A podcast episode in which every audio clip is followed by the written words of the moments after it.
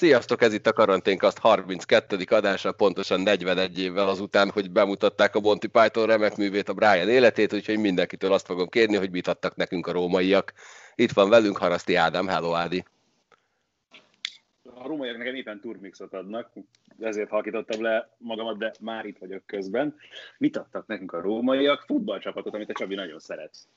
Aj, lelőtted, itt van velünk Szaliszló Csabi. Csabi, neked mit adtak a rómaiak? Hát idén nem sokat. Inkább szívesebben említem az utakat, vagy a vízvezetéket idén, mint, mint, a római csapatot, de, de nem tudom, pont Attilának majdnem megírtam tegnap egy SMS-et, meg is írtam, és el akartam neki küldeni, hogy én barom állat, elkezdtem messziről álmodozni, de aztán érzem, hogy ennek nem sok realitása van. Annak sokkal nagyobb realitása van, hogy akik szétverték a Barcelonát, azok most az új tulajdonos után Rómába jöjjenek. Úgyhogy remélem, hogy az új medve, mint az előző adat. Én az előzőt se utálom, de, de az újjal kapcsolatban nagy Előre is elnézést kérek, messziről álmodni távoli. Na mindegy. Hello, Sanyi! Sziasztok! Neked Ez... mit adtak a rómaiak? Hát én, Csabi kilőtte az összes vízvezetékre gondoltam első, első aspektusból, ahogy esett ma reggel az eső, azt hittem, hogy elmarad a fiamnak a vízilabda tábora, de félén kell figyelni, hogy a vízben nem baj, ha esik az eső, úgyhogy, úgyhogy most ott van. Mondjuk villámlott is reggel rendesen, az viszont nem jó a vízbe. Az nem jó a vízbe, de mire odaértünk, azt mondták, hogy no para, úgyhogy a gyerek a vízben van, legalábbis még nem jelezték, hogy menni kéne érte, úgyhogy... Akkor jó. És itt van velünk Budai Zoli is. Hello Zoli, neked mit adtak a rómaiak? Sziasztok! Még egy vicces jelenet a racsolókról tulajdonképpen ez a Brian életébe jutott eszembe, mert úgyis, úgyis annyira kevés humorforrás van ezzel, kap, ezzel kapcsolatban, úgyhogy még egy, még egy jó, hogyha van. Én nem értem, hogy ezt miért vetted magadra. hogy ezért cserébe majd legközelebb a földre lökünk, de dulván. No, folytassuk egy szolgálati közleménnyel. Először is ö, olimpiai érmesek lettünk mindannyian. Köszönjük szépen ezt a szigorúan bizalmas podcastnek, akik a legutóbbi adásukban úgy gondolták, hogy mi hogy most ért volna véget a nyári olimpia, ezért érmeket osztanak, a podcast olimpia érmesei között pedig minket is emlegettek, úgyhogy cserébe ti is hallgassátok Danit és Jocót, mert elég szórakoztató podcasteket csinálnak ők. Már amikor éppen ráérnek, mostanában elég sok kimaradt nekik. Kevés helyzetet hagyott ki a Bayern München viszont a bajnokok ligája negyed De ez nem igaz szerintem. Mi?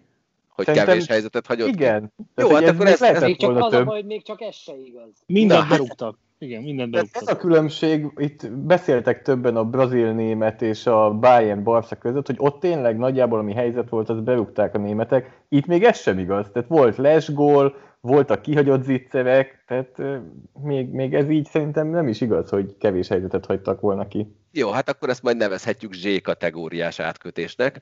Úgyhogy ha Bayern Münchennel kapcsolatban rögtön az első kérdésem lenne, hogy hol lehet szerintetek Monc Attila? Örömittasan, nyolc nővel, vagy egyszerűen csak annyira szerény volt, hogy úgy gondolta, hogy ezután a diadal után neki nem kell semmit sem mondani. Szerintem előrehozta az Oktoberfestet, és valahol valahol iszik, mint az állat. Tehát bőrgatyában van? Bőrgatyában, bőrgatyában és a, a csajoktól elfogadja az összes nemű alkoholt, amit talál. Igen, Na, és, nagyon, 8, nagyon, és 8-2-re nyer ellenük majd. Figyelj, nagyon, én, én őszinte leszek, én nagy Barca rajongó vagyok, és de jó volt látni, amit a Bayern csinál, bármennyire is egy kor, korszaknak a vége, szerintem zseniális futballt láttunk. Az, hogy ez milyen változások előzték meg, vagy ez valaminek a betetőzése volt, és elkezdődött a tisztújítás, azt gondolom, hogy valahol el kellett kezdeni ezt, de, de az, hogy egy ilyen katasztrofális vereségbe szaladnak bele, szerintem senki nem gondolt. Én az Attilából próbáltam kihozni aznap este az állatot, amikor láttam a Twitter bejegyzéseimben ezt a hihetetlenül visszafogott, korrekt, ilyen még nem nyertünk, ezt nem még van két meccs. Ja. Istenem. Írtam neki, hogy írd már meg nekem mindazt, amit Twitteren nem írtál meg, csak úgy, csak úgy nekem. Azért tudott írni, azért tudott írni egy-két dolgot, főleg a Barcelonáról egyébként, de hát ez annyira kínos amikor, amikor már tényleg arról szólt a Bayern játék a második fél hogy Lewandowski-val hogy rúgassanak gólt, az szerintem az annyira megalázó volt, hogy, hogy tehát tényleg megyei csapatokat szoktak így megszivatni, és sokszor előfordul ilyen, de, de a Barcelonával basszus soha.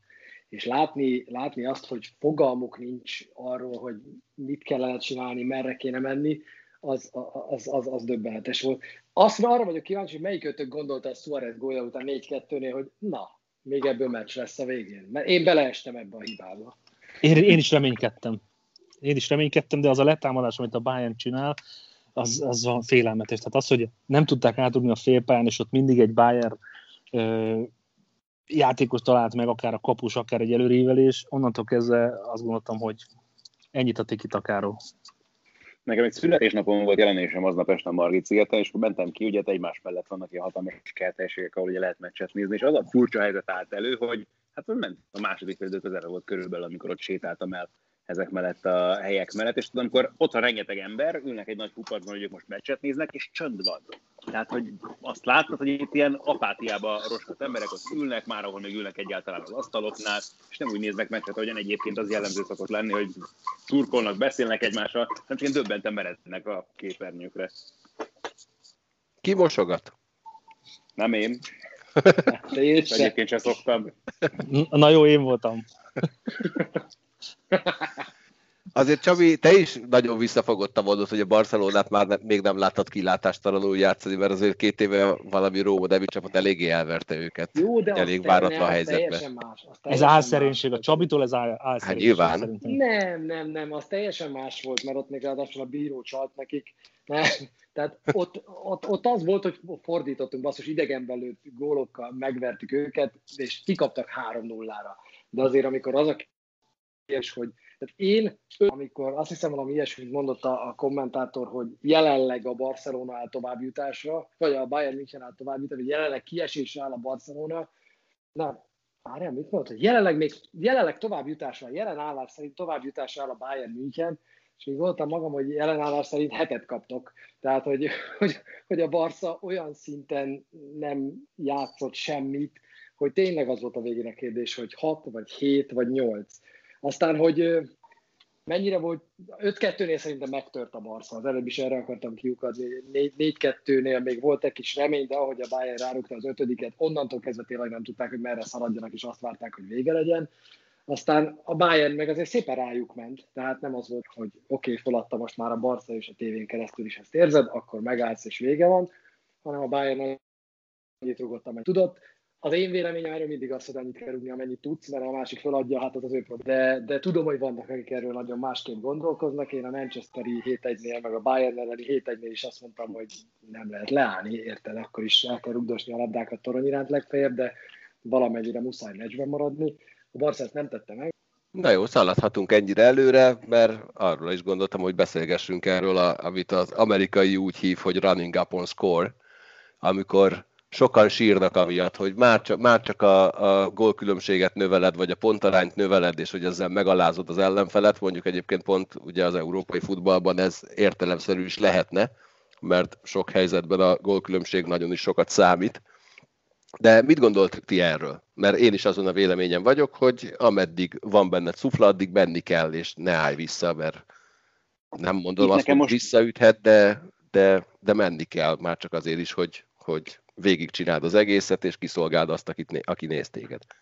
Nekem most itt volt egy olyan érzésem azért ezzel kapcsolatban, hogy a Bayern hatalmas szívességet tett a Barcelonának. Ez kicsit ilyen nem úgy edzeni, ilyen álló mesnek is tűnt egyrészt, másrészt meg abszolút nem kifejezetten inkább úgy fogalmazom, hogy a szurkolók számára tett szerintem tényleg olyan szempontból szívességet a Bayern, hogy azért erre a Barszára elég erőteljesen ráférne tényleg most már egy a teljes vezetőségváltás, és mi lehet az, ami elindítja ezt, hogyha nem tényleg egy ilyen horderejű vereség, mert ez valami egészen tényleg megalázó volt már a végére.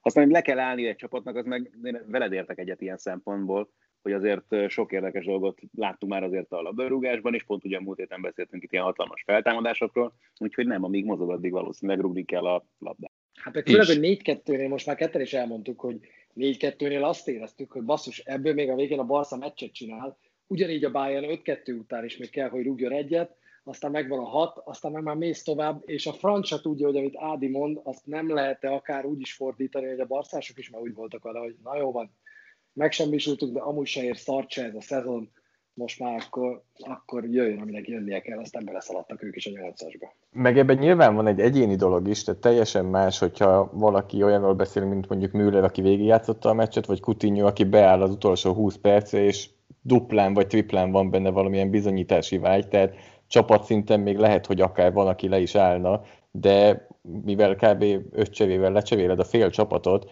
így nagyon sokan meg nyilván meg akarják mutatni, és ők nem lesznek szerintem annyira ilyen a leállás nem, nem nagyon lesz így szem előtt, hogy akkor most már sokat rúgtunk nekik, mert akik akkor jönnek be a pályára, azok meg ugye még egyet sem.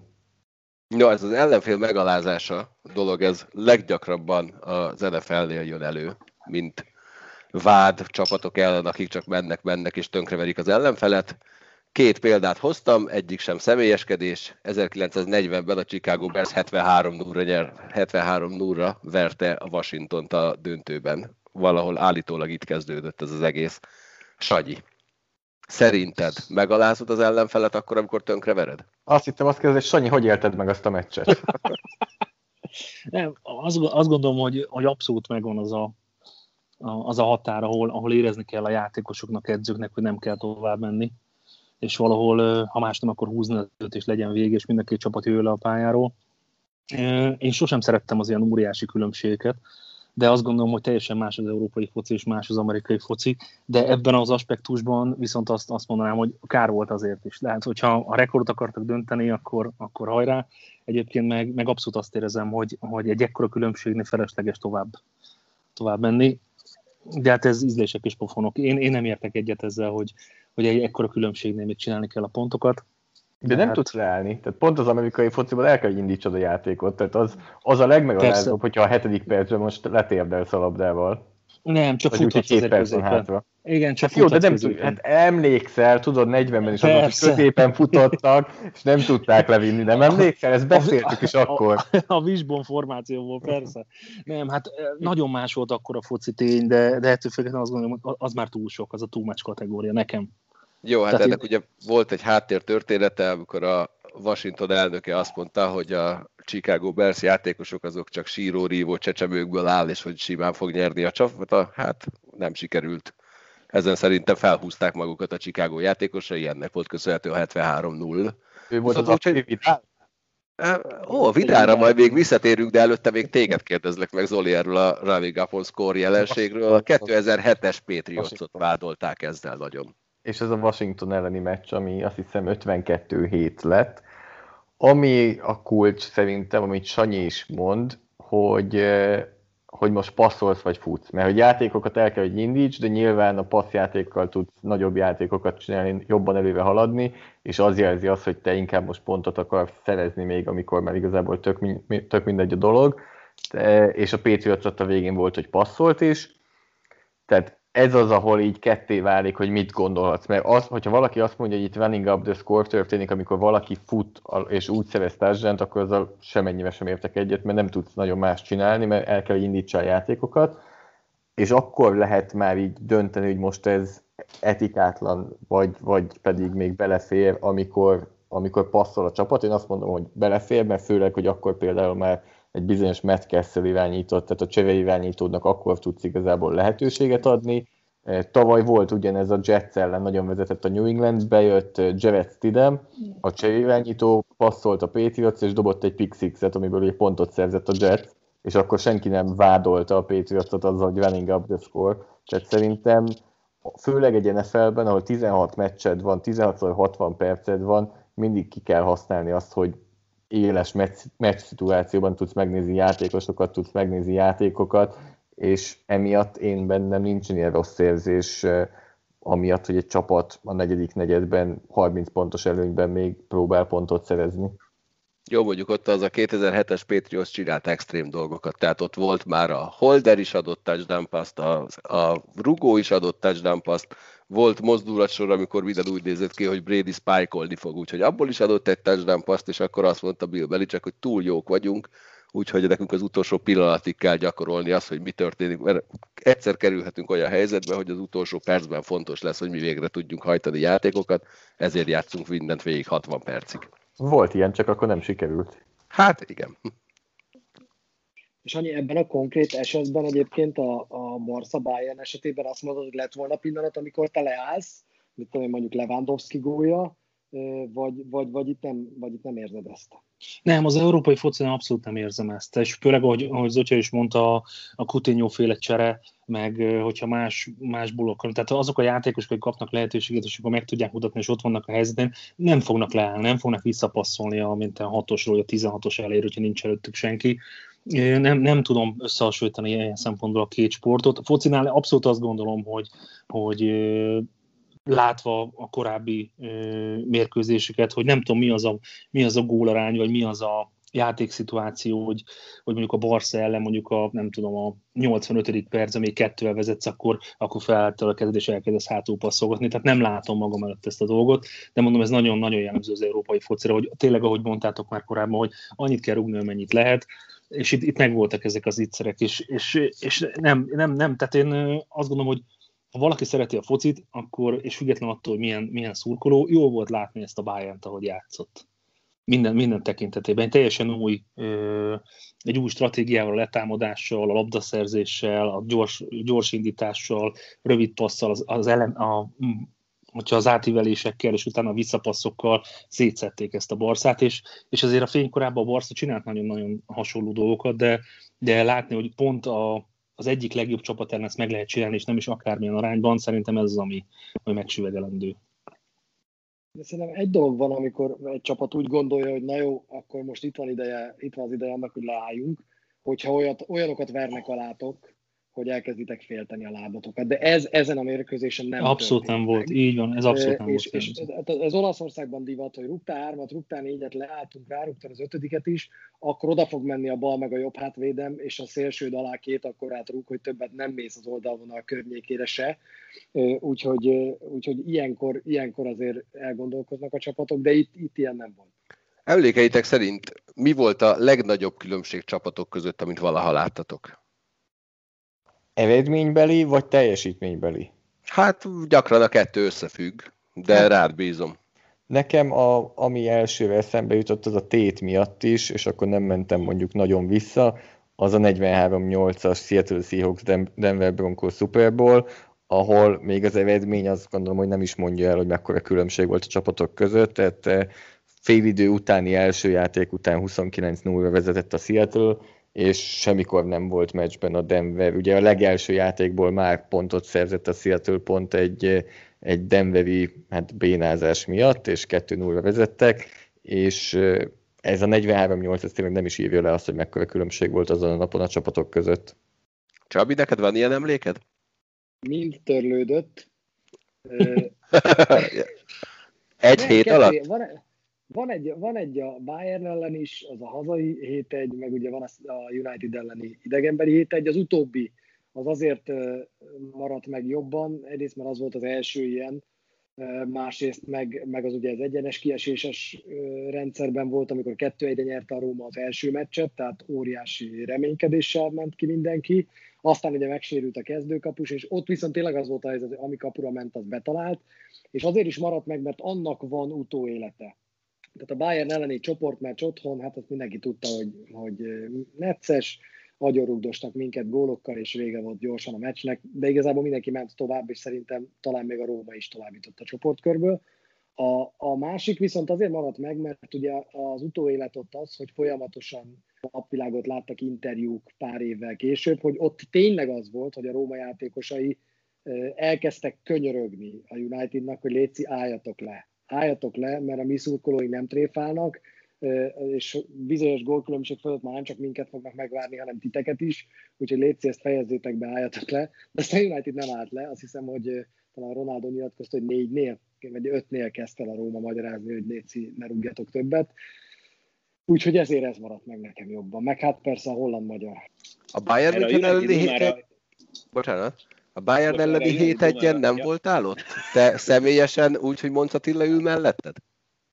A Bayern elleni 7 1 a Lomb utcában ültem, úgyhogy Monc Attila ült mellettem, és ott néztük a meccset, mert azt hiszem, hogy az digis meccs volt, és nem volt itthon digim, és akkor streamen néztük, viszont a, a visszavágóján voltam ott, a Bayern Rómán. Na, akkor azért nem túl nagy magabiztossággal utaztunk el Moncatilla és Szalai Tamás társaságában Münchenbe, Ajaj. és akkor, akkor hát én egy picit tartottam tőle, hogy mi lesz, de azt 2-0 lett csak.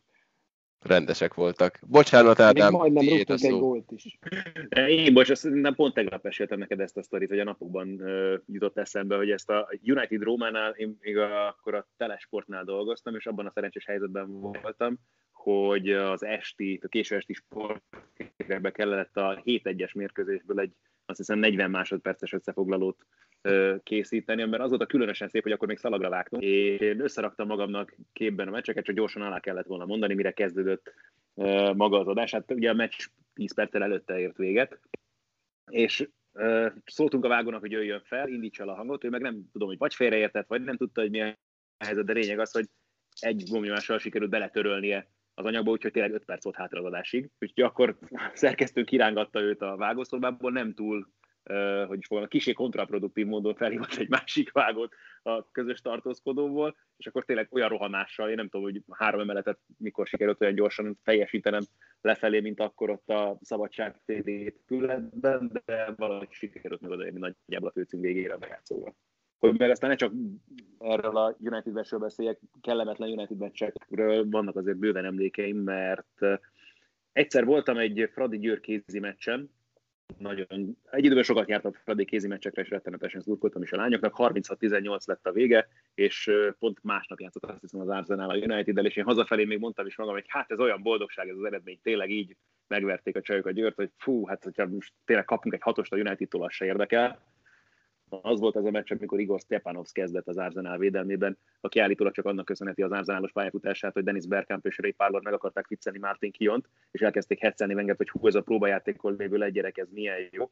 Kion meg puffogott rá ezerrel, és végül is a legendák szerint ezért vette meg Wenger végül is ezt a csávot, aki borzalmasan játszott ezen a meccsen, 6-1 lett ugye a vége a és hát volt ugye az a bizonyos szintén 8-2, az meg azt hiszem 2011-ben talán, amikor ugye Arzan Menger a meccs végén már ott a nézőtéren, vagy nem is tudom, ott a kispat fölé állt fel valami székre, és onnan nézte végig a meccs legvégét.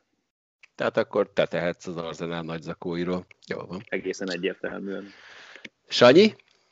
Hát, nehéz. Nekem a, a brazil német az, de ezzel már beszéltünk, az volt ilyen nagyon hasonló, de igazából én, én azt nem tudom, és én ezt próbálom mondszolgatni, hogy hol van az a pont, amikor tényleg azt mondod egy meccsre, hogy, hogy itt a vége, és visszatérve az előző gondolat, amit a Csabi is pedzegetett, ez a 4 2 hogy én még azt gondoltam.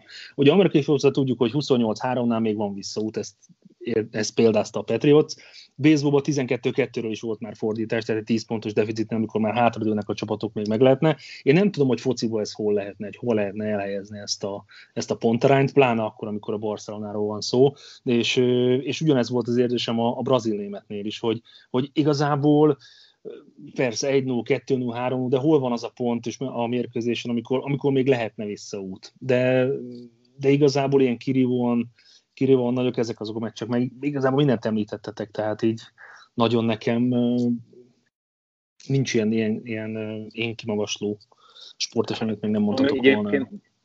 Bocsánat, ami egyébként ilyen szempontból nekem a legkimagasló, vagy a legfájóbb, az biztos egyébként az a 98-as VB selejtező, amikor gyermekként, nem tudom, hogy mire gondoltam egyébként, nem tudom, 13 éves fejjel, vagy 14 éves fejjel, hogy lehet bármi keresni valónk az ellen a jugoszláv válogatott ellen, hogy az ülői úton sikerült. Mijatovic, Szávo Milosevic és a többiek fémjelezte jugoszláv csapattól. Na, én hoztam egy olyat, ahol óriási volt a különbség eredményben is, a csapatok játéka képéből, meg aztán végkép. 9-0-ra nyert egy csapat, és szerintem a vesztes csapatot jobban ünnepelték akkor, mint a győztest. Ez a 2009-es Klotani Magyarország-Kanada hoki meccs, ahol Kanada 9 0 nyert, és a tönkrevert csapat pedig mosolyogva áldogált a jégem, mert hogy ők egy nagy világbajnokságon Kanadával játszottak.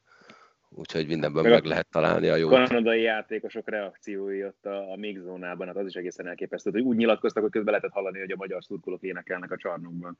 Igen, volták is többen, hogy nem is értik, hát most kaptatok ki 9 túra, de hogy ez valami egészen elképesztő, ami ott, ott történt. Két kérdésem van még a Barcelona bayern kapcsolatban. Vidált a nap hülyéjének, a hét hülyéjének, a hónap hülyéjének, vagy az év hülyéjének tartjátok? Ő nyilatkozta ugyanis a meccs előtt azt, hogy hát nem fél a Bayern Münchentől, mert ez nem egy Bundesliga csapat, ez a világ legjobb csapata. Az, azt nem tudom, hogy kire gondolt, hogy a Bayernre gondolt, vagy ténylegesen a Barszára, de az a, nem lehet máshogy kimenni a pályára szerintem önbizalommal telverálásul. Azt gondolom, hogy rögtön csattanós választ kapott, amikor, amikor, amikor már fél időben érezte, hogy ez nem az a meccs lesz, amire gondolt. Ettől még lehet az év hülyéje, tehát a hajából ítélve szerintem abszolút ez a mohawk frizura, ez szerintem lehet, lehet ezzel viccelni, de, de most mit mondhatott volna, hogy szerintem az annyira nem durva, legalábbis a nyilatkozata a mérkőzés előtt, a mérkőzés után már egy kicsit más reflektorfénybe helyeződik a történet, de, de előtte én sem biztos, hogy mondtam volna más. volna meg a spanyol bajnokságot. Na, tehát, én ezt értem, de hát nem, nem maradt más lehetőséged, mint hogy vigasztalodj a bajnok ligájába, és meg csúfosan kikapsz. Meg az de hát... egy dolog, hogy így gondolod, és így kell, hogy hozzájál, de nem, fel, nem kell feltétlenül ezt így kimondani a sajtónak minden meccs előtt, vagy, vagy egy fontos meccs előtt, mert, mert az gyakrabban sül el rosszul, mint jól. Igen, de, de lényeg, hogy nagyon nehéz, nagyon nehéz olyan sportolót mondani, a legnagyobbakat is beleértve szerintem, aki egy meccs előtt ezt a mondatot kimondaná. Tehát mi, miért mondanád ezt? Tehát e, te most egy a, a legkeményebb BL negyed döntőben megpróbálod bizonyítani, hogy te, a, aki nem lett idén még csak spanyol bajnok se, te jobb vagy, mint a BL legnagyobb esélyesének tartott Bayern München. Akkor gondolhatod persze azt, hogy az Oli mondta, hogy mondhatod az öltözőben két perccel, mielőtt kiszaladtok, hogy gyerekek már pedig mi vagyunk a világ legjobbja, de ezt a sajtónak el, ezt még akkor sem mondod, ha tényleg így van. Nem, Absz- hogy ez abszolút. a napnál világosabb, hogy nincs így, basszus. Tehát ez ilyeneket nem mondja. Hát ez meg, ez meg mentalitás kérdése. Tehát azért voltak már ilyen nagy pofára esések. Tehát az, hogy most, most tényleg az évhűje, a naphűje, a hónaphűje, ő ez a mentalitása, azt sem tudom egyébként, hogy meddig lesz még a Barszába.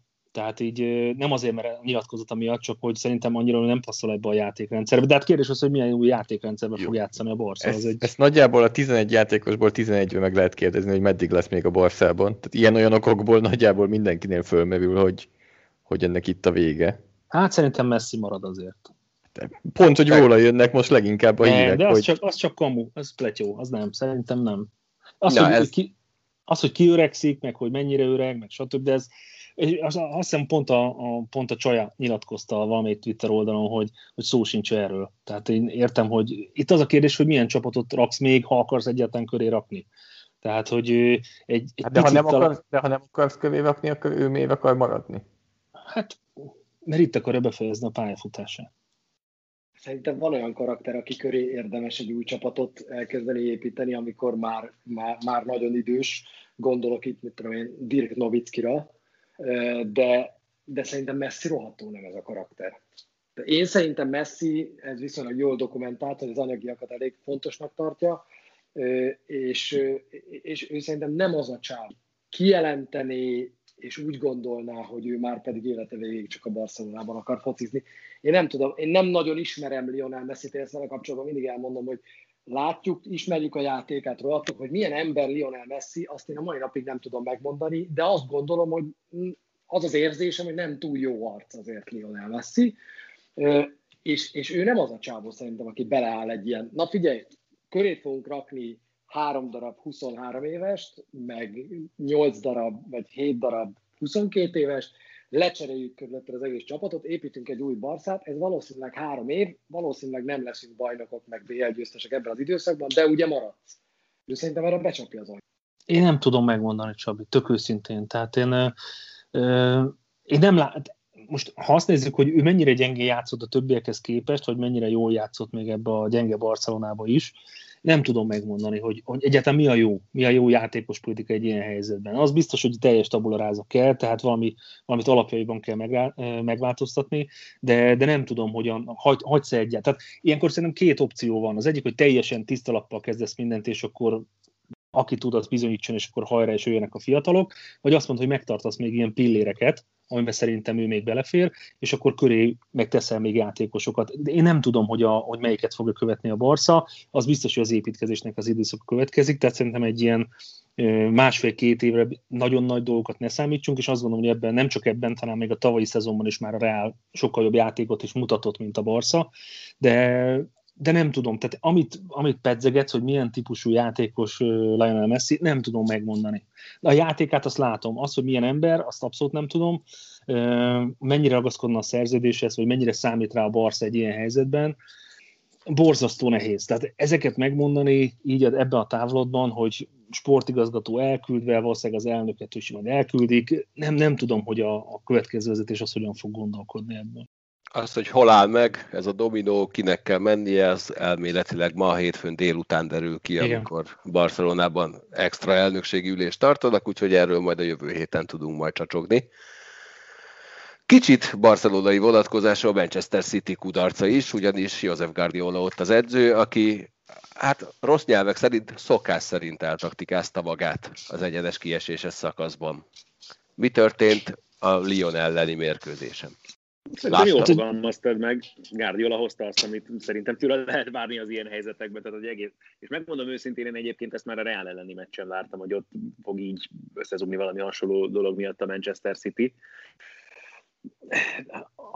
Valamiért kényszeresen azt érzi Pep Guardiola, hogy neki az ilyen helyzetekben még valamit húznia kell, valami extrát, és valami rettegni kell az ellenféltől mindenféleképpen, ahelyett, hogy tényleg felküldeni ha, ha egyáltalán nem tudom, hogy ő tudja egyáltalán, hogy mindenki a legjobb csapata, vagy van-e olyan 11, amire azt mondaná, hogy ez az, amit, amit minden helyzetben, vagy a, a legnehezebb helyzetben is kiküldenék a pályára. Neki jól láthatóan nem volt ilyen egyébként szerintem korábban egyetlen csapatánál sem, és ez így szerintem az igazi gond. Amíg a Bayernnél tök jól el tudod mondani például azt a 11 játékost, akit ideális helyzetben Hansi Flick felküld a pályára, addig Guardiolánál nincs ilyen, mint hogy nincsen ilyen formáció, vagy olyan meghatározott taktika sem, amire azt tudod mondani, hogy az esetek 99% vagy 90%-ában mondjuk ezt játszanak. De a legvégén, hogyha megnézzük, akkor ezen ment el, vagy inkább azon a rengeteg egyéni hibán, ami, ami elől, hátul, kapuban, védelemben mindenhol jött. Szerintem hát a kettő hogy... valahol vonza egymást, nem? Tehát, hogyha van egy csapat, tehát eleve, tehát hogy merül, hogy ott van, tehát egy ilyen háromvédős rendszerben játszanak, amit nem fordult elő tényleg az év eleje óta mondjuk a csapattal, tehát eleve önmagában a formáció se túlságosan megszokott a játékosok számára, akkor ugye, hogy ez a háromvédős rendszerben van egy fiatal srác Eric Garcia szemében, aki játszott amennyit, ebben a szezonban meg az a Fernandinho, aki oké, okay, játszott közép hátul, de csak nem ilyen rendszerben mondjuk, ebben a szezonban, szerintem ezekből a dolgokból következnek az ilyenek is, hogy szokatlan dolog, nem tudod feltétlenül azt, hogy hova nézél, hol keresd a társat, és abból óhatatlan is összejönnek szerintem az ilyenek. Egészen egyszerűen azért is, mert a kellő magabiztosságot sem tudsz Abszolút egyetértek Ádámmal, de azt ne felejtsük, hogy kettő egy, amikor Sterling kihagyta a ordító helyzetben, hát nem igen. tudom, 8 méterről, és abból 3-1 lett. Igen, erre is gondoltam. Kettő. Azért én szerintem ott még egy picit lehetett volna húzni ezt a City drámát, hogy de, de a Lyon ezzel, ezzel, ezzel rettentesen agresszív, utána rögtön a, a letámadásra, meg a, a harmadik gól, hát az meg ezt nem egyszerűen hihetetlen volt a sebességkülönbség is. Tehát azt gondolom, hogy hogy egyszerűen a fociban meg vannak ilyen, vannak ilyen szituációk, hogyha mindig, mert óriási kőszej, hogyha ez egyik oldalon kiadsz egy ilyet, akkor abban biztos, hogy a másik oldalon meg valaki betalál, és, és nem, nem csökkentem mondom a Lyonnak az érdemeit, óriási meglepetés, de, de azt gondolom, hogy ez saját magának csinálta a City, hogy ilyen, ilyen fellással, ilyen nulla De Bruyne-nel, mert én nem sokat láttam belőle, de hogy de tényleg az, hogy kettő egynél egy ilyen ordító helyzetet kihagyni, ez nem megbosszulta magát, úgyhogy Vegyük elő, mit gondoltok? Ugyanez lett volna a vége két meccsen? Na, ezt akartam mondani, hogy én nem láttam ezt a meccset, mert közben Memphis, Memphis meg a Portlandet néztem, de, de hogy amikor arról beszélgettünk, hogy könnyebb vagy nehezebb kis csapatnak sokáig jutni idén a BL-ben, na, akkor most még lenne 90 perc, amikor, amikor Rodi Garciának egy magabiztos előnyt, de valahogy meg kellene próbálnia megvédeni, és már nem követhetné el, tehát, hogy csak De Bruyne-t küldje fel a kreatív játékosai közül gyakorlatilag a pályára, hanem kénytelen lenne minél többet teleszórni a pályát, úgyhogy itt, itt nagyon nem minden. És akkor itt át is lehetne kötni arra, a múlt héten elhangzott, hogy a Lipcsének 30 vagy 40 százalék esélye van az Atlético Madrid ellen, aztán továbbjutás lett belőle, úgyhogy a Lipcse is ott van a legjobb négy között. Guardiolával ellentétben a Lipcse edzőjét, Nagelsmann viszont mindenki az ebekbe, egekbe emeli, hogy újabb remek taktikával állt elő Simeone ellen, és négy közé juttatta a csapatát. Nem Zoli... magát megfélemlíteni a Lipcse, és ezt, ezt ígérték is egyébként a meccset megelőzően. Az meg a másik, hogy mondjuk a, az Atletico kreatív fegyverei, mint ezeket az idei szezonban nem voltak szám. Visszafogottan fejeztem ki magamat. Igen, Galus? Ö, azt akartam kérdezni, hogy nyitva maradt-e a hely, ahol sörre az orrod előtt elkezdted nézni ezt a meccsen? E, nyitva, de egy kicsit féltünk, mert, mert mondták, hogy akkor most zárnak, úgyhogy nagyon jól jött Tyler Adams gólja, mert szerintem a hosszabbításra új helyet kellett volna keressünk. Ez nagyon kedves volt tőlük. Hát főleg Tyler Adams-től, hogy ennyire mellé bukta azt a labdát, hogy bepattanjon. Mikor volt utoljára bajnokok ligájában a legjobb négy között magyar? Bajnokok ligájában még soha. Az életben. Na, hát akkor most Gulácsi Péterrel majd találkozhatunk az elődöntőbe. És akár Willi Orbánnal is. Hát ha berakják a kezdőbe, igen. Ami szerintem még érdekes itt az az, hogy minden párharcból a többet pihenő csapat jutott tovább. Tehát ez egy nagyon nagy vita volt a párharcok előtt, hogy, hogy vajon azok a csapatok lesznek jobbak, mint a németek, amelyeket elküldenek két hét pihenőre, és akkor utána folytatás, vagy amelyek lendületből jönnek, és nagyon sokan mondták azt, én is így gondoltam, hogy aki lendületből jön, az ebben a körben még előnyben van, és a végére fáradhat el, de marhára nem, hanem mindenhol a többet.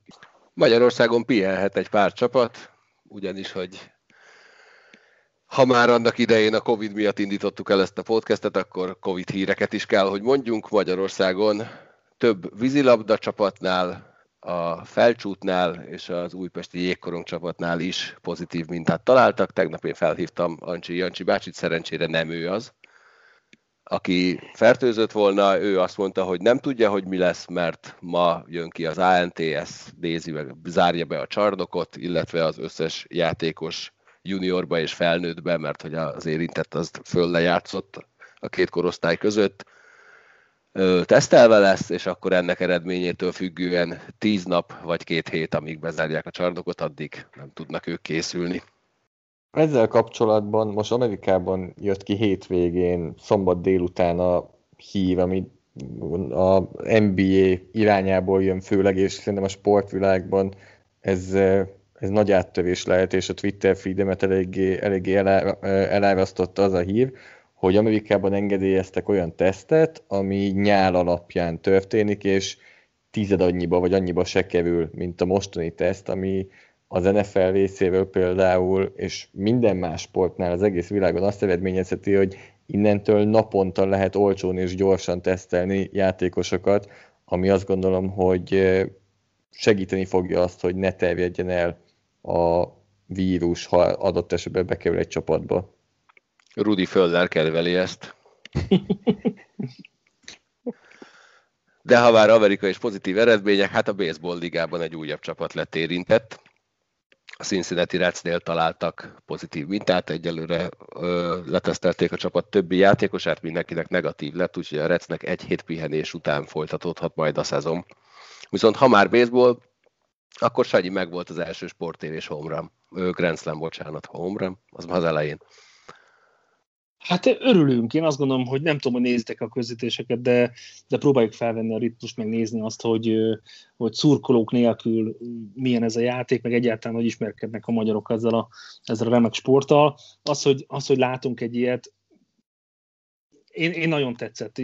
Tényleg, hát én, én mondom, én nagyon-nagyon régóta rágtam a földet annó, hogy, hogy legalább egy This Week in Baseball-t még tizen akárhány évezet toljuk már be valahogy, hogy lesz rá reakció, úgyhogy én, én megmondom őszintén, én nagyon boldog vagyok, hogy egyáltalán látunk baseballt a tévéképernyőn. Az, hogy szakértetem, az külön, külön óriási lehetőség.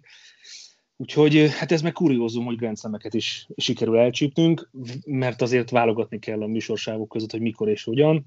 De hát, de hát ilyen, ilyen a baseball, és ezek a játékosok ettől függetlenül, hogy nem olyan a hangulat, mint mondjuk egy 40 ezeres vagy 25 ezeres stadionban, meg nem örjöngenek a nézők, meg a labdát nem dobja vissza mondjuk a, attól függ, hogyha hazai csapat üti a homeránt, akkor, akkor persze nem dobják vissza, de a vendégcsapat, akkor általában vissza szokták dobni a pályára a labdát, a szurkolók, de, de ez ilyen, tehát így a játék része, persze ritka, de akkor is. Tehát például a, a, a White Sox-nak a tegnapi back-to-back-to-back homrány, amikor négyen egymás után ütöttek homránt, ilyen is nagyon ritka az MLB-ben. Említetted a homerunra ütött labdákat, találtatok bármi olyat, hogy mi lesz a labdák sorsa? Hát két, két dolgot találtam. Az egyik, hogy vannak olyan csapatok, ahol a bérletes szék mellett, vagy oda kerül egy labda, akkor azt postázzák a bérletesnek. A másik az pedig az, hogy például ilyen kiznél felhasználják ezeket a labdákat, és az ütőedzésre elhasználják, hogy hát ha benne maradt a labdába az a home és akkor jobban tudnak ütni a játékosok, de de én ezeket találtam ezzel kapcsolatban. Igen, én még egy harmadik utat találtam, ahol azt mondták, hogy emlékezetesebb homranok esetén jótékonysági célú árveréssel fogják bocsátani ezeket a labdákat. Teljesen jogos, azt gondolom, hogy, hogy jó, jó célra felhasználni. Jó. Így. Na és lett egy női szakértőnk a baseballhoz. Hallottátok Enikőt először a fülkébe? Én belehallgattam egy picit, de nem sokáig csak. Ezt Főleg azért, hogy meg is ijedtem, ugye, hogy ugye az ESPN még a Phillies meccsen maradt, ami később kezdődött ugye Igen. az eső miatt, és azt hittem, hogy rossz meccset kooperáltunk fel este a Nets meccs alatt, hogy mégse a Chicago meccs kerül adásba, és már itt kezdett égni a fejem, amikor rájöttem, hogy mi a helyzet. Na igen, azt képzeld el, hogy életedben először ülsz be szakkommentálni egy fülkébe, és, és, és másfél, órán keresztül, másfél órán keresztül nem azt a meccset kell közvetítened, amire készültél. Igen, készülsz egy Milwaukee Chicago-ra, és akkor jön egy Orioles meccs. Hát nehéz volt, de megoldották tök ügyesen, és akkor utána még a, ugye, de folytatódott a Cubs meccs, és akkor utána vége lett a műsoridőnek, úgyhogy szerintem le a kalappal. Jenci előtt, úgyhogy én, én, én szeretném, tehát én szerintem jó hallgatni, nagyon jó egy, nagyon érdekes aspektusokból tud olyan érdekes információkat mondani, amire én is felkapom a fejem, és az, hogy statisztikai szinten a Brewersnél lehet, ugye az egyik olyan sportágról van szó az Egyesült Államokban, ahol szinte mindent mérnek, még azt is, amit nem gondolnál, Úgyhogy, és ezekre kiegyezve stratégiákat, embereket, játékosokat lehet igazolni, ami, ami szerintem nagyon-nagyon ritka. Nem tudnék más sportot mondani, ahol, ahol ennyire, ennyire szétszedik a játékosokat, akár dobó szinten, akár ütő szinten, akár, akár bármilyen szinten.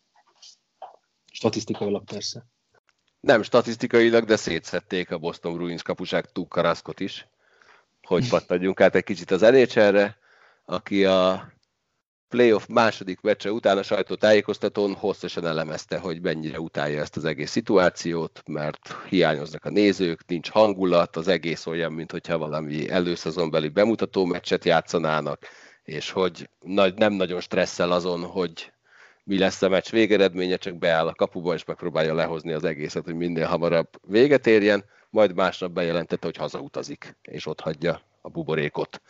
Ugye ez azért is érdekes, mert az elején beszéltünk pár adással ezelőtt arról, hogy, hogy buborékban lenni az nem csak fizikai, hanem mentálisan egy eléggé megviselő dolog, mert az a két csapat, amelyik eljut a döntőig, az akár két-két és fél hónapot is kénytelen lesz a családja nélkül egy helyre bezárva tölteni.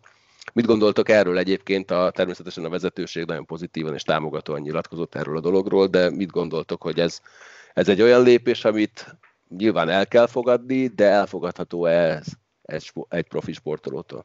Hát lehet, hogy ez még mindig jobb, mint amit Joannis Cespedes produkált ugye egy-két héttel ezelőtt, amikor egyszerűen csak nem jelent meg a csapat a mérkőzésen, és nem is tudták elérni a Metsznek a vezető, és nem tudták egy majdnem egy napon keresztül, mi a franc van vele, aztán kiderült, hogy ő egyszer csak bemondta az unalmast. Igen, hát az a baj, hogy most ebben a homokozó... Tekinti ezt a szezont. Hogy... Bocsádi, mond. Ne, nem, mondd csak aztán, hogy van, mondok majd Rászkal kapcsolatban valamit nem csak az, hogy, hogy most ebbe a homokozóba kell játszani. Tehát én értem, hogy ezt nem szeretnék, értem, hogy ezt nem, de valamilyen szinten meg, meg, meg megy a játék. Tehát ezt minden, minden szinten való, ha major sportokat nézzük, elfogadták a csapatok, hogy ebben kell működni, ezt kell csinálni. Persze megszoktak valamilyen napi rutint, meg heti, meg éves rutint ezek a játékosok, és persze nem jó dolog, de, de az, hogy, hogy egyáltalán tudnak játszani, és egyáltalán jönnek a jogdíjak, és van nézettség, persze nem olyan, mint hogyha egy telt stadion előtt játszanál, de akkor is játszhatsz.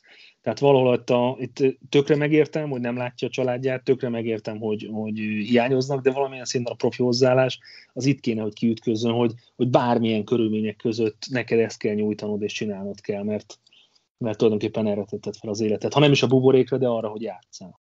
Tukaraszkról nekem mindig azt szokott eszembe jutni, hogy azt hiszem, hogy ez 2005-ös vagy 2006-os kontinentális kupa volt Fehérváron, amelyen az Ilves Tampere csapata is részt vett, és amelyben nem volt itt Rászk, de az a vicc az egészben, hogy az egész csapat azért jött el, hogy Tukarásznak ne kelljen játszania, vagy hogy ne érezzék meg az ő hiányát, mert 18-19 évesen ő már az Ilvesnek az első számú kapusa volt, és természetesen, hogy elvitték az utánpótlás világbajnokságra, és hogy az 20-as VB-t az év végén szokták rendezni, ami természetesen telibe veri a jégkorong szezont és mivel ugye nem fog, vagy egy-két játékosnak a hiánya miatt nem fognak senkinek sem felmentést adni, meg pláne nem utánpótláskorú játékosok hiánya miatt senkinek sem fogják megengedni, hogy kiadjon meccseket a finn bajnokságon, ezért ez lett a megoldás az igaz számára, hogy akkor ezt szépen kiszámolták, hogy akkor ők eljönnek erre. A négyes döntőre itt lejátszottak három meccset, miért ne, védett a tartalékapusuk, meg a harmadik számú kapusuk, és aztán tudták folytatni a finn bajnokságot, és be tudták pótolni a meccseiket.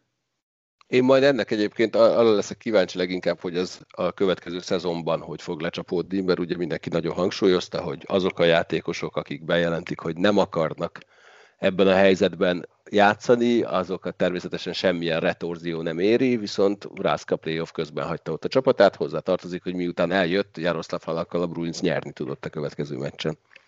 Halak mennyi Hát egy idős a halakkal, bocs.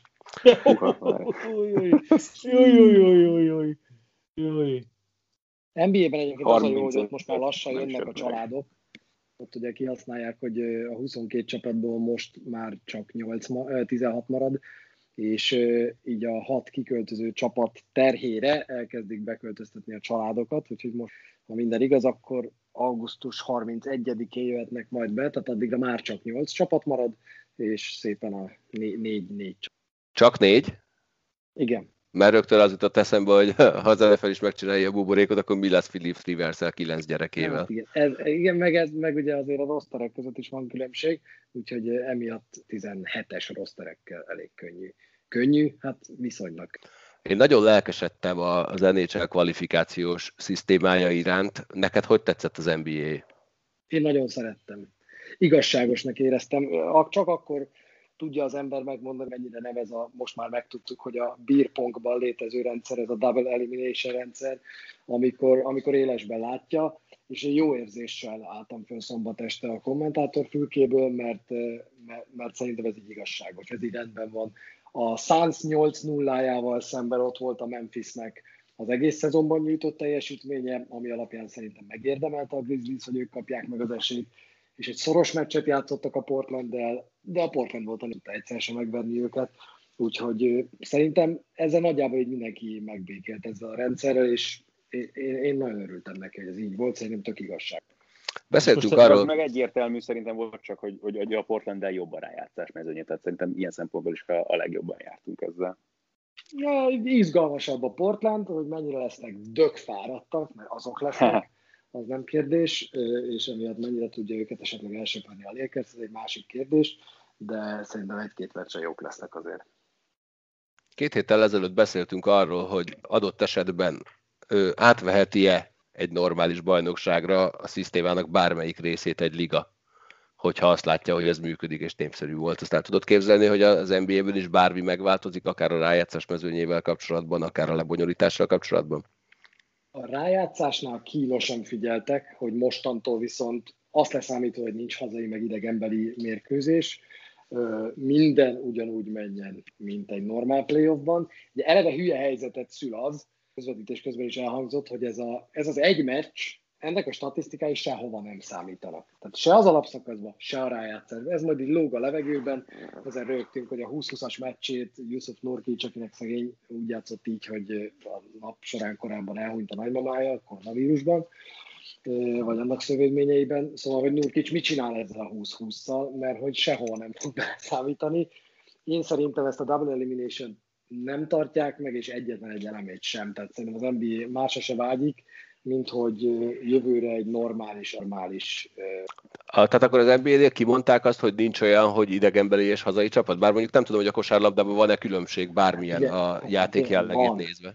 Van, de hát tehát azt hiszem, hogy a parkettákat is mostantól kezdve nem festve lesz rá, vagy vetítve lesz rá pontosabban a logó, hanem, hanem minden csapatnak a parkettáit, hát most nem akarok hazudni, vagy a ma esti körtől már, vagy majd a következő körtől elhoztak egy-egy garnitúra parkettát, ebből a szempontból Igen, ezért kérdez, mert ugye a hokinál nem mindegy, hogy hazai vagy idegenbeli, nem csak a, azon kívül, hogy a saját közösségedet előtt játszol, hanem ott a, például a face-offnál is vannak szabályok, hogy a hazai csapat teheti le először az ütőt, illetve a kispadok elhelyezése is olyan, hogy a hazai csapat ül kétszer közelebb a védekező harmadhoz. Szerencsére nálunk négy van. szempontjából.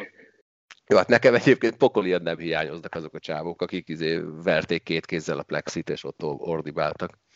De kb. csak ők nem. Csabi, mit csináltál 1997-ben? 1997-ben? Uh-huh. 1997-ben még nem szomorkodtam túlságosan, hogy a San Antonio nem jutott be a rájátszásba, mert, mert még Jordan bűvöletében éltem, de, de 97-ben, várj, 96 hét elsős gimnazista voltam. Nagyon szép.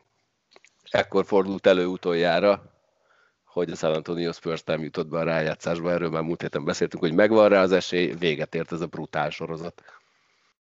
Mekkora újjáépítésre számít a San Antonio ezután? Van, nagyon érdekes. Greg Popovics most esélyt adott a fiataloknak. Szerintem attól volt jobb ez a Spurs, mint vártuk, hogy, hogy nem volt rajtuk nyomás. Normális esetben egy fiatal oda kerül San Antonioba, az nézzük meg, mi történt Kawhi Leonard, számíthat nem tudom, 50 meccsre az első szezonjában, 10 percekkel, de arra is számíthat, hogyha mondjuk januárban valami irgalmatlan nagy baromságot csinál, akkor az egész szezonra eltemeti. Ezzel szemben mi történt most? Egy sor, de nem voltak Popovicsnak elvárásai, eljöttek úgy, hogy úgyse fogunk bejutni a playoffba, eljöttek úgy, hogy nem volt ott Lamarcus Aldridge, és mindenkivel volt valami terve a San Antonionak, és az volt az egyértelmű terv, hogy válaszokat kapjanak olyan kérdésekre, amik, amik elég égetőek. Mik ezek a kérdések, mikre képesek, mire képesek a fiatalok? Szerintem nagyon jól látszik egy pozitív, egy negatív példa, hogy Johnsonra lehet építeni a jövőben, akár egy 20 pontos játékost fel lehet építeni belőle, aki ráadásul baromira érti ezt a játékot. Lonnie Walker nem biztos, hogy az a droid vagy robot, amit keresel, mert ő sokkal több lehetőséget kapott, de nem tudott élni ezzel a lehetőséggel, és nem volt túlságosan megbízható. És ott van egy óriási nagy kérdő, mit csinált Demar de Rosennel, aki pedig a buborék előtt mindenki azt mondta, hogy takarodjon San Antonióból, viszont, hogy egy icipicit visszatérjünk a Messi kérdésre, az is látszik, hogy ő viszont tökéletesen alkalmas arra, hogy azt tegye, amit Popovics kér tőle, amikor fiatalokból próbálnak csapatot építeni. Úgyhogy szerintem sokkal okosabbak lettek, mint a buborék elején voltak, és, és szinte teljes újjáépítésre számítok, de azokban a fiatal ő lehet, ő tud építeni. Én megnéztem egy 97-es drafton készült fényképet, és nem ismertem meg Greg Popovicsot.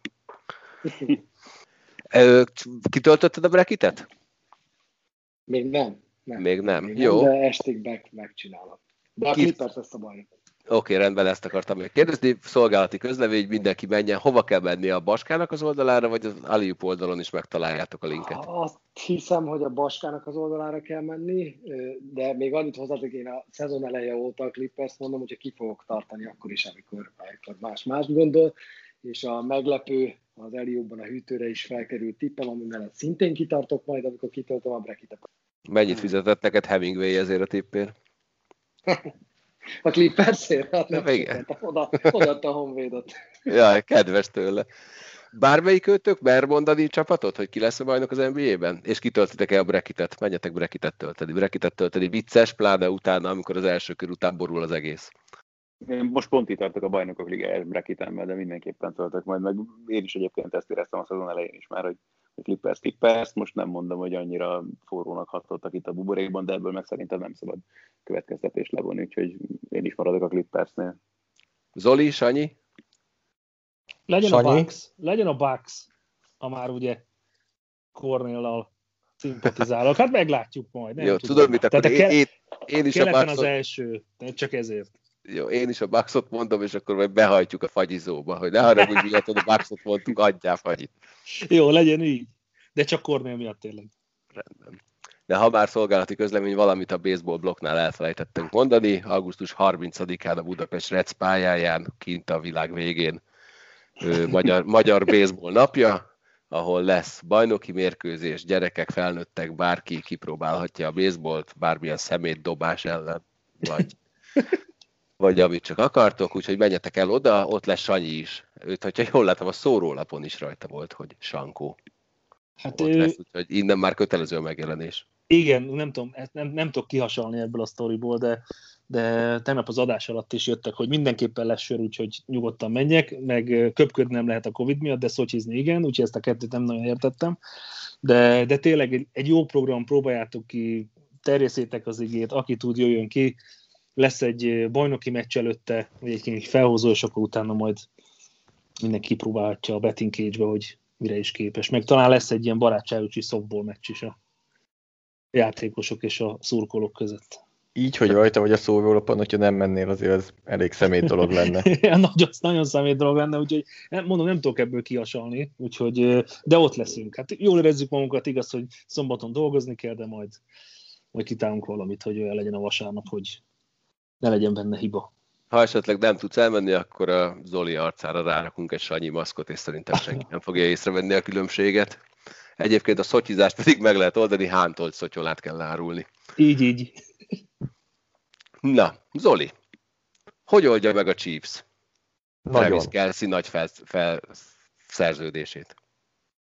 E, ügyes, ügyes, ügyes csapat ez a Kansas City, Kansas City Chiefs, és a fizetési sapka az NFL-ben az meg mítosz. Ez egy, tehát hogyha innentől, hogyha hallgatja ezt a podcastot egy NFL drukker, és valamikor azt hallja, hogy a csapat a general manager azt mondja, hogy nem volt pénz egy játékosra a fizetési sapka miatt, az azt jelenti, hogy nem akartuk leigazolni. Tehát nagyjából, ha elég ügyes vagy, és azért sajnos még ez sem igaz, hogy mindenki, tehát az NFL-nek mondjuk a general managerek fele az, aki tényleg érti is, hogy mit kell csinálni a fizetési sapkával, és hogyan lehet ügyeskedni.